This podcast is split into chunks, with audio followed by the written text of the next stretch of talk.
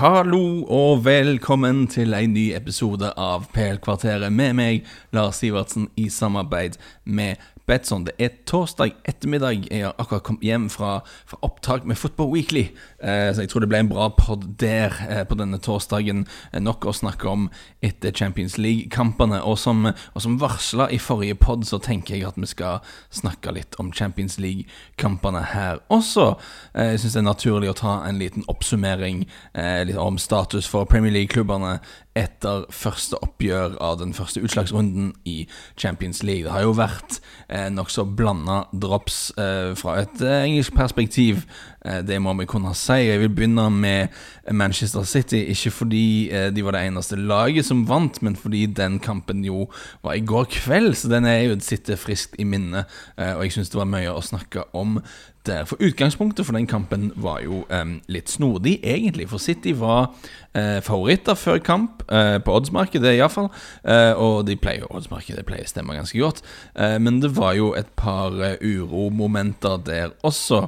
Én ting er at, at, Pep Guardiola har leda lag i Han har leda lag i 26 bortekamper i utslagsrunder i Champions League, og kun vunnet seks av de. Det er jo en overraskende svak statistikk. Eh, seks seire på bortebane i 26 eh, utslagsrunder i Champions League. Ja, litt med å gjøre at der du kanskje har vunnet masse i den første kampen, så du kan slappe litt av i den andre, eller omvendt. Du tar et uavgjort og skårer et bortemål, og så er det greit. Men igjen, når du tenker på hvor mye hvor mange kamper lagene Pep Guardiola trener, har vunnet sånn generelt, så er 6 26 uvanlig. Uh, City har uh, slått uh, Schalke og Basel. da Guardiola var i Bayern, så slo de Arsenal på bortebane. Det er jo noe. Men vi må faktisk helt tilbake til 2011 da for å finne siste gang et Guardiola-lag virkelig tok en stor skalp på bortebane i et sånn utslagsoppgjør. Det var da hans Barcelona-lag slo nettopp Real Madrid på nettopp Bernabeu. Eh, Madrid, da leda av Mourinho, eh, stilte med PP på midtbanen for å hakke i stykker hele kampen. Endte med rødt kort på PP. Eh, Madrid hadde tre skudd på mål i hele kampen, litt spesielt opplegg. Mourinho ble vel òg utvist, om jeg ikke husker feil. Liv og leven i La Liga den sesongen. Men uansett, Guardiolas historikk i akkurat uh, sånne kamper er litt grann iffy, det må være lov å si. Uh, og jeg gikk gjennom alle de Champions League-kampene der Guardiolas lag har gått på en skikkelig smell, da, på Betson-bloggen for en tid tilbake siden, og jeg oppdaget at det er det er to forhold da som går igjen i disse kampene. Det første er at eh, Guardiola har omtrent alltid overraska med laguttak og eller formasjon. Eh, han har enten så han benka spillere som normalt spillere spiller, eller så har han brukt folk i litt uvanlig posisjon, satt opp i en form vi ikke er vant til å se. Så Omtrent alle gangene de har gått på en sånn skikkelig smell i Europa, så har det eh, vært en del av det. Eller det har iallfall vært noe som har vært eh, til stede. Eh, og det andre punktet vi ofte ser, er at når et Guardiola-lag først slipper inn mål i en sånn kamp, så får de ofte litt panikk da, stresser, blir stressa og slipper inn mer enn ett mål på rappen.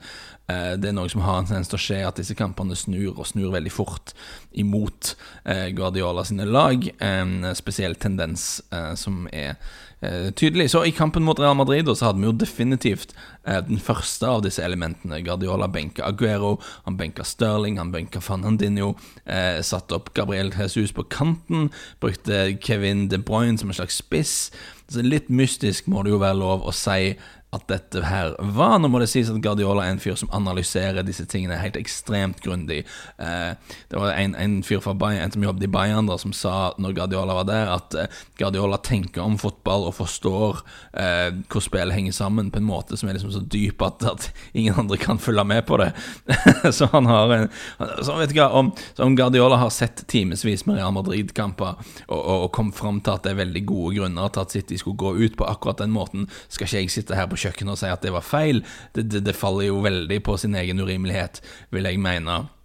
Han vet hva han holder på med, og det han visstnok sa på pressekonferansen, var at han oppdaget at Real Madrid forsvarte seg eh, dårligere mot angrep på flankene eh, enn mot angrep rett på, på, i midten og foran midtstopperne, så han ville bruke en bevegelig og arbeidsvillig eh, Jesus ute på kanten der. Og jeg vil jo si at Jeg vil jo si at dersom man oppdager at en motstander er svak på flankene, så er jo det å benke den beste vingen din en litt spesiell måte å reagere på det, men Guardiola igjen vet mye bedre om dette enn en det jeg gjør, så vi må mest bare stole på at han hadde en plan. Uansett, eh, Manchester City skapte ikke all verdens i, i første omgang. Eh, vi så en litt spesiell oppstilling fra Guardiola nok en gang, og da Real Madrid da skåret, så tenker vi ja, ok, nå er vi i gang igjen. Nå, nå kommer panikken, nå kommer kaoset. Men City kollapsa jo ikke. Real Madrid hadde en periode der de kjørte på, eh, der de kunne ha skåret. Eh, en gang til, men eh, de peisa ikke på så voldsomt, egentlig. Virka ikke som de egentlig var i stand til det. Og, City kom tilbake i balanse. Eh, Guardiola gjorde noen endringer. Lagets beste midtbanespiller ble flytta ned på midtbanen igjen, der han strengt tatt hører hjemme. Lagets beste wing kom inn fra benken for å spille wing, og, spissen ble flytta opp som spiss. Dette høres jo litt mer logisk ut, sånn som jeg ser det, og, City ble jo ganske mye farligere i den konfigurasjonen. De skapte mer, de var klart best og vant fortjent. Eh, innlegg fra De Bruyne til Jesus i boksen Greit å ha en spiss i boksen der. Raid fra Stirling som ender i straffe. Greit å ha Stirling på banen, viser det seg. Men det er selvsagt lett å sitte her og si at eh, ja, selvfølgelig ble det bedre når Guardiola endra til en litt mer sånn gjenkjennelig lagoppstilling, men det skal jo òg sies at, at, måten City spilte på i første omgang, det tok kanskje litt luven av Real Madrid, og det virker som de klarte å dra ned tempoet. Det var en veldig kjedelig kamp i første omgang. Og hvis du er Manchester City, så er jo en kjedelig førsteomgang det du vil ha her, egentlig. Eh, å ta tempoet ut at Real Madrid ikke klarer å gå ut med noe stort stormløp. Og målet Real Madrid skårte, kom jo etter en forsvarstabbe. Og de skapte ikke sånn masse. Eh, så jeg vil jo si at eh, på tross av alt eh, jeg syns det så rart ut, så syns jeg det blir feil å si at startoppstillingen var helt feil og krise og sånn. De oppnådde jo mye av det Guardiola ønska. Um, og jeg syns jo personlig, når alt, når alt kommer til alt, så syns jo jeg egentlig at så langt det er mulig, så, så, bør du prøve å bruke så mange som mulig av de beste spillerne dine i, i posisjoner og roller som de er vant til å spille i. Men Uansett, sånn ble det, og en viktig manndomsprøve for City å havne under press der og føle litt på kroppen at å nei, nå skal det, nå skal det rakne igjen. Men, men, de, men, de, hang sammen, eh, de slo tilbake, og utrolig viktig seier. Og, og, selvfølgelig, det, det, har jo egentlig ikke noe med spillerne å gjøre som sådan, men det føles sikkert eh, godt for de å ta denne seieren i, i Uefas turnering, eh, siden man jo har denne konflikten gående. Og nå er det, enorm effekt, det resultatet der, så har jo Betson har sagt odds på, på hvem som skal videre. Eh, 1,07 i odds på at City går videre her. 9,30 i odds på at Real Madrid snur dette på Etihad, så vi kan jo trygt si at City har et godt utgangspunkt. Så ok, videre til Liverpool-kampen. Liverpool-kampen var litt snodig, eh, fordi eh, dersom du ikke har sett La Liga i det hele tatt i år, Eh, og du kun baserer deg på hva Atletico Madrid har gjort i, i sånne situasjoner før, um, så vil jo du ikke være overraska over den prestasjonen Atleti leverte. De, de forsvarte seg godt og kompakt, de var kompromissløse, de, de frustrerte Liverpool på alle mulige måter, og, og de kriga inn en dødball. Så det var jo klassisk, klassisk Atletico Madrid. Men det, men det som jo er litt spesielt, er at uh, jeg ser litt La Liga. og, og Atletico Madrid har jo ikke sett ut sånn som dette i det hele tatt denne sesongen. Eh, de solgte, de solgte Griezmann, de solgte Rodri, de solgte Luca Hernandez i sommer, ja, men de mista òg eh, rutinerte sånn holdningsbærere i stallen. Da, sånn Diego Godin dro, Luis Felipe dro, Joan Frando dro. Eh, og forrige sommer dro Gabi, en spiller som betydde mye der. Eh, så Simione har jo sagt sjøl at han har på en måte mista lederne i laget, og at det nå er opp til litt yngre spillere i troppen å vise at de kan ta ansvar. Han har sagt at han forventa at dette skulle bli en, skulle bli en omstillingssesong, og det har det òg blitt. Eh, hvis du ser i La Liga, så har Atleti har ikke vært så trygge og robuste defensivt som har blitt vant til å se de, eh, og de har heller ikke blitt spesielt mye farligere framover. Så resultatet er at de ligger på tredjeplass, ja, men de ligger tolv poeng bak serielederen. Eh, de har spilt ti uavgjort på 25 kamper i serien. Det er altfor mange poengtap. Eh, så i en sesong der eh, Barcelona og Real Madrid har sett litt sårbare ut, så er det jo veldig skuffende fra Atleticos eh, perspektiv at de ikke har klart å komme nærmere. Og Spanske medier har jo beskrevet dette som den vanskeligste situasjonen Simione har vært i i Atletico. Og i tillegg til alt dette her, så har de hatt en del skader. Så utgangspunktet før denne kampen var jo egentlig at dette er ikke gamle Atletico dette er ikke liksom Diego Simiones ville kamphunder som gneldrer rundt på banen. De har ikke helt vært det. Eh, men så, når den store kvelden kom, når de skal møte Liverpool, kanskje verdens beste lag akkurat nå, eh, da var det akkurat som anledning til å vekke noe i dem, at det virkelig tente. da, Du, du fikk ut Plutselig var de leverte de da en helt urtypisk Atletico Madrid-kamp, selv om det ikke er så mange av disse urtypiske Atletico Madrid-spillerne igjen der. Eh, det var, det var skikkelig intensitet intensitet og vilje og kraft i alt det de holdt på med. Og, og Jørgen Klopp var, var, muggen. Han var muggen etter kamp. Liverpool har vunnet så mye at vi har nesten glemt at Klopp kan være en utrolig dårlig taper, uten at det er noe galt i det. Eh, men han var, han var misfornøyd med metodene til Atletico Madrid. Eh, det er jo ikke vanskelig å forstå, men eh, når, når de har Nå har de altså da en, en, skikkelig ekkel oppgave foran seg. Det er kanskje ikke rart at Klopp var litt podden, som han sier på Sør-Vestlandet. Sør litt podden. Hvis, hvis, Erling Haaland kan snakke om å dryle, så kan vi snakke om å podde på, på podden. Uh, og det var rett og slett det Klopp gjorde.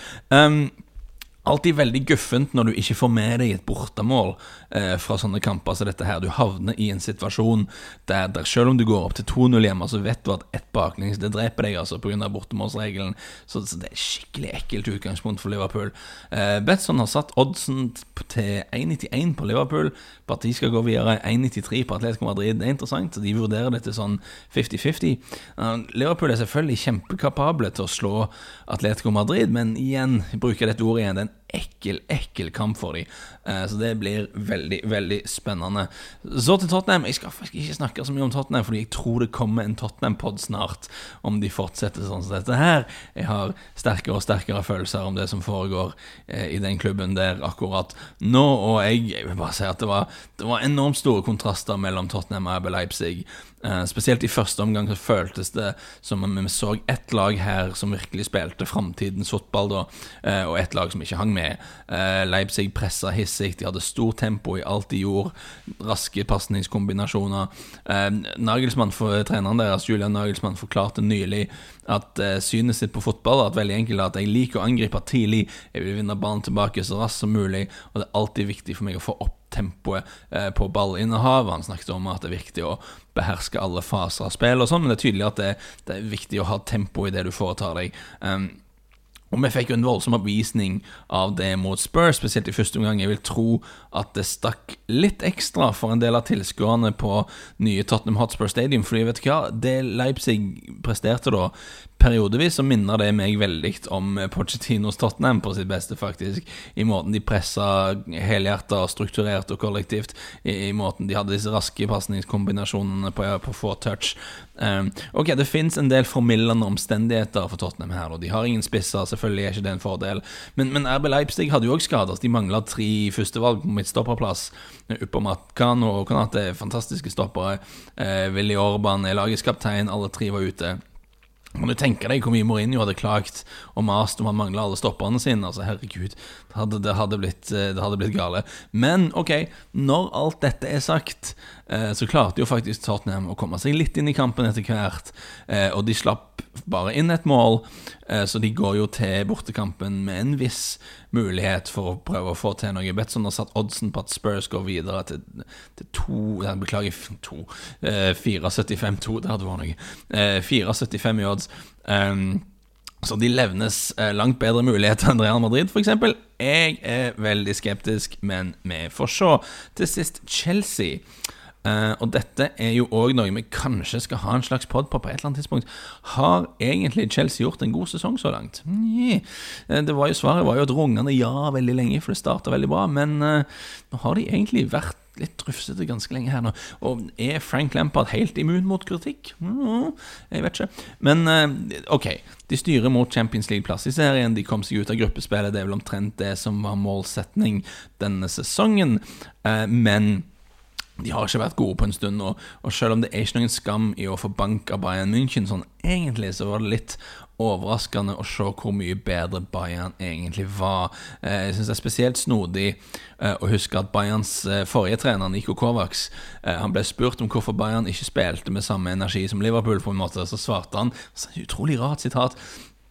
Han svarte at du kan ikke kjøre i 200 km i timen på autobahn om du bare har en bil som går i 100 km i timen. Det er en spesiell ting å si eh, hvis du er Bayern München-trener og bare går ut i pressen og sier Men jeg kan ikke presse høyt, de, de er for daffe, de spillerne mine. De kan ikke gjøre det. Det er ikke smart. Uh, han ble sendt på dør. Ikke pga. at han sa dette, da, men vet du hva, det, det hjalp han iallfall ikke. At han, han, hadde en tendens til å si litt rare ting, eh, Kovacs. Uansett uh, Vi må snakke litt mer om denne kampen, syns jeg. Roer deg ned, alarmen. Uh, det Uansett, han ble sendt på dør, erstatta Hansi Flick, og herr Flick, herr Flick har, har, virkelig vist at dette er en bil som kan gå mye raskere enn det Kovacs virker som han trodde han kunne gå. Det høye presset til Bayern er tilbake. Eh, Chelsea sleit veldig med tempoet eh, og farten til noen av Bayern-spillerne, spesielt sånn kantspillerne. Du har Nabri og Kingsley Corman på hver sin kant. Eh, Alfonso Davies som kommer framover fra, fra venstrebekk. De herjer veldig på flankene der. Lewandowski er jo et fenomen, selvfølgelig. Thomas Müller har funnet tilbake til en god form. Jeg tror dette Bayern-laget har alle muligheter til å vinne hele turneringen her, om de fortsetter, egentlig. og det eneste er at vi så jo at de gjorde noen feil defensivt.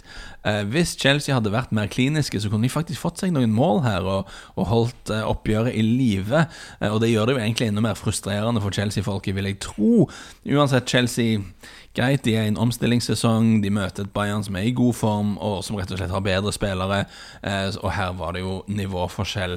Eh, Betson gir ikke odds på at Bayern skal gjøre. Det er klappa og klart, det får du ikke sette noe som helst på.